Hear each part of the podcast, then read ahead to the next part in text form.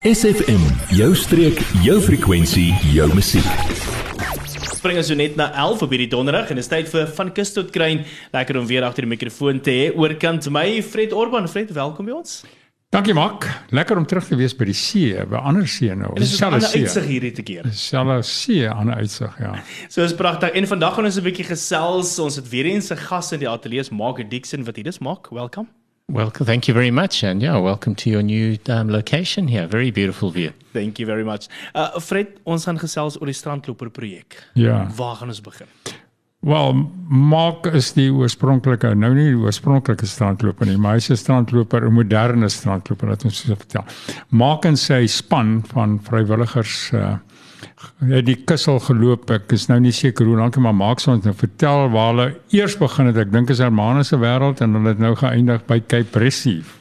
That's right. Yeah, that's right. Fred. Can you tell us a bit about your experiences? No, definitely. Okay, so I mean, just a bit of background. So, Strandloper Project started as a citizen science group, and we were doing some research just to clean up uh, reefs of recreational fishing tackle, and we uncovered ghost fishing physical uh, reef damage, lead poisoning, and and with our work mm. and cleaning up, we've actually now documented through fixed point photography a whole lot of regeneration of the of the reef, which is really encouraging to show that that little bit of work can do that. But what we've also added on is an annual expedition, and we hike for about 10 to 12 days, and we do between 180 and 210 kilometers per expedition. And we then document plastic pollution. So we've got five different survey methodologies and we capture everything digitally. So it's all geo referenced. And then what we do is we will map that out and we look at that in terms of human settlement locations, rivers, and that, mm. and then also marine protected areas. So we've uncovered that marine protected areas are very good, but the buffer zone around that has um, attracts a lot of fishing activities. And you can see that from the debris that washes up. Mark, I'd like to ask you are you a marine biologist? Are you a scientist? Or are you just a guy that's interested in uh, the pollution of our shores? Um, Fred, it all depends on who you chat to. Um, I've had some people um, question a whole lot of things. No, I've, I've got my master's degree in um, marine biology. I did that at Rhodes University but I am very interested in everything. I'm a naturalist by heart, and yeah. I am very fortunate. I do a lot of field research um, in different fields. So I'm yeah. ornithologist, so I do some ecological studies uh, for, uh, using birds as indicator species. And then I obviously the marine biology side of things, and then also ichnologist, which is the study of fossilized footprints. So I, I, I do research in three different fields. You are a guy that not only talks the talk, you walk the walk. How far have you walked in the past two years on our coast in surveying? Well, in the last two years, we have done um, uh, 440, um, 44 kilometers, but in the last four years, we've da- done 846 kilometers. So we've literally hiked from Hermanus through to Cape Recife. We've just got one gap in um, between Blombos and Arniston, mainly because we've we've had um, hassles trying to get permission. So we've been denied access into De Hoop two years in a row now. We're busy working on that again, and so we haven't been able to close that gap. Mm. But yeah, so our, our, our, distance that we've hiked and surveying plastic and um, fishing debris to date is 846 kilometers. Word deel van ons Facebookblad vandag nog facebook.com vorentoe skuinstreepie sfm streek. Dis van kus tot klein Fred Orban met my in die ateljee en ons gesels ook vandag met Mark Dixon en ons gesels oor die strandloper projek. Nou Fred ons het nou heelwat gesels in die eerste hmm. gedeelte van die gesprek oor al die ehm um, Engelse die breechets of al die werke wat hulle doen en kyk ja. wat hulle kan ontdek. Maar uh, wat het hulle nou met Mark what did you found with your latest experience expedition when you went out, do did or did some research? What did you found? Okay, we found a lot of plastic. to be quite blunt, you you joking? You can't, can't be. no, so so uh, you know, our last expedition we finished in the, uh, just at the beginning of the month, and we did um, 241 kilometers on this expedition from Storms River to Cape Recife, and So it, we, you can honestly, in that, split it into half.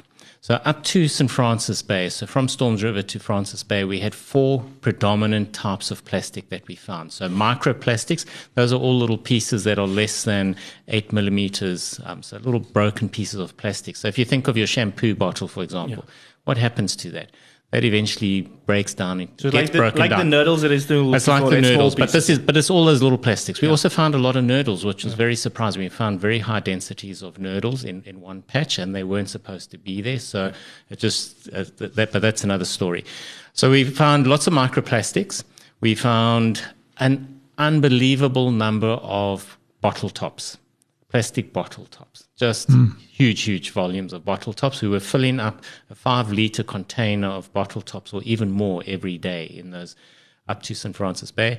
Squid jigs, just plenty, plenty of those things. We filled up. Um, what, what is that? Sorry?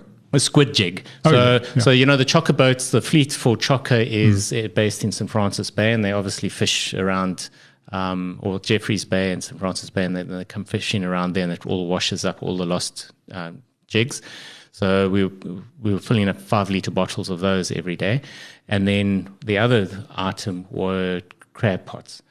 So a huge number of those. Once we went round St Francis Bay, that was quite interesting because all of a sudden we didn't have as much microplastics, but then we had a lot of um, domestic plastic or urban plastic. So shopping bags. It was amazing how many shop, shopping bags we found. We found a lot of, um, you know, those blue bags that you put your recycling st- stuff yeah. Um, at one point, we even suspected near the Gamtoos mouth, between Jeffreys Bay and the Gamtoos mouth, that there's someone dumping um, uh, these bags because they they had a whole lot of things in there, all your recyclable stuff. And um, so, and, and, then as we got closer to Sardinia Bay, another marine protected area, then you started finding a lot of squid jigs and then a lot of recreational fishing tackle. So, the so uh, west of St. Francis Bay, not a lot of recreational fishing tackle. Um, east of the Gamtoos mouth, a huge amount of uh, recreational fishing tackle, and then a lot of crab pots as well. What, what does that tell you, the recreational fishing tackle in certain areas? And the, and the is it river flows? Is it density of people angling it's, in particular areas, or what is it? Fred, it simply comes down to access points to the coast. So, yep. so from Storms River through to Elandsrivier, even Easter um, Easterrivier, mm. there's very little easy access. You literally have to be good at going up and down cliffs to get down to go and fish. So that's that's your barrier and your restriction. Whereas, you know, once you get to the other side of St. Francis Bay and J Bay, it's, it's easy. You, you know, it's a parking lot. You, you walk 200 meters and you're at the shoreline and, and you can hmm. go fishing. Jy, ja jy. Nou dat ons jou aandag het, vertel jou vriende van SFM en ondersteun plaaslik. SFM maak elke dag 'n goed gevoel dag. SFM. Ons gesels oor die strandloper projek in die ateljee Fred Orban met van Kus tot Kruin en ook vir Mark Dixon wat met ons is Fred. Mark. Yes. I'm astounded at what you told me, but I should be used to it. People go down to the beach, in any beach, and they just walk past rubbish, and then sometimes they just say, I'm not picking this up because I'm having a nice walk on this beautiful beach and I don't want to pick up plastic. What must I do that for? Yeah, no, I mean, it is a big thing. So, uh, you know, we went past a picnic site so one of the other items that was in huge amounts um, in, along the entire route were plastic bottles. And, you know, we went past a picnic site and it was a gesellige Saturday. It was just before the rugby and, and, and the whole mm. lot. And people were brine and having fun. And, uh, you know, I always remember Italian guy saying to me in a mountain somewhere, he says, why is it that – an empty bottle is heavier than a full bottle. People will carry yeah. an empty bottle yeah. somewhere Good into question. nature and then they won't bring the empty bottle back.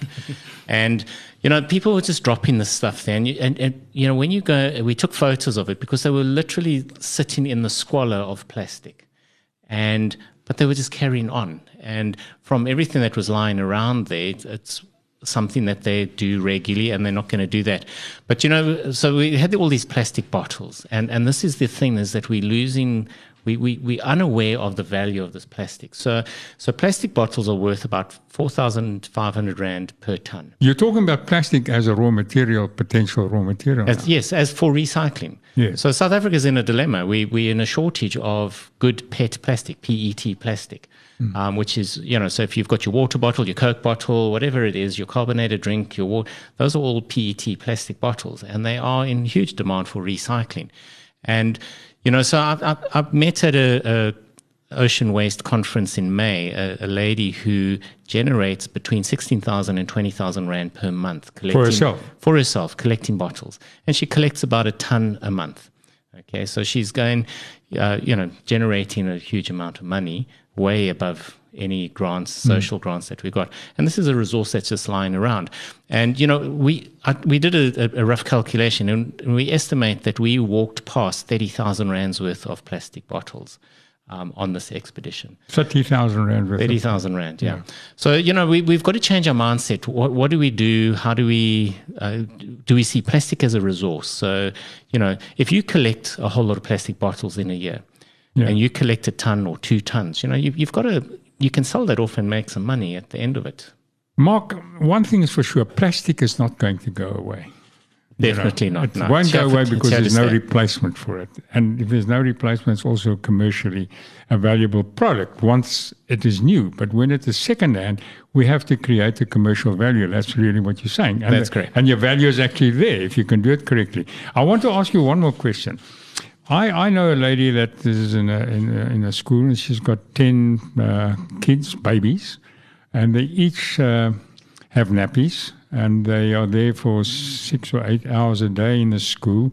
And each uh, kid has about a change of six nappies per day times 10, and these are all disposable nappies. Uh, you know, it's not like you can wash them again. I mean, these are plastic, and then the things just get dumped somewhere, wherever that may be.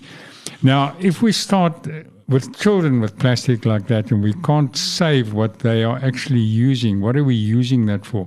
10 times 6 is uh, 60 a day, times 5 is 300 uh, a week, and 1,200 nappies, disposable nappies, every single month for 10 kids. Now, multiply that by how many kids have we got of that age in this country? Just. Uh, Fred, we've got Black Friday coming up shortly.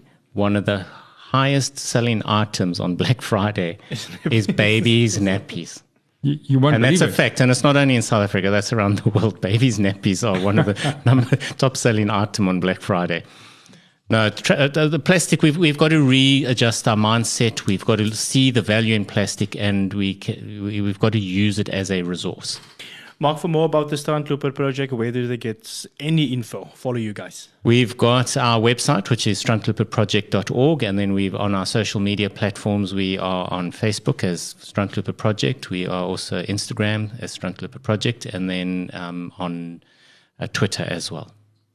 Dis is Fred, so that's what we have time for. Baie baie dankie vir inkom en die inligting weer eens. Baie dankie Mark. Ek sal graag van Mark weer in Desember maand wil hê wanneer die vakansieganger hier is en uh, dan 'n bietjie praat oor die visvanggery wat uh, rondgegooi en rondgelê word dikwels onnodiglik ja. so. Thank you very much Mark. Thank you Fred.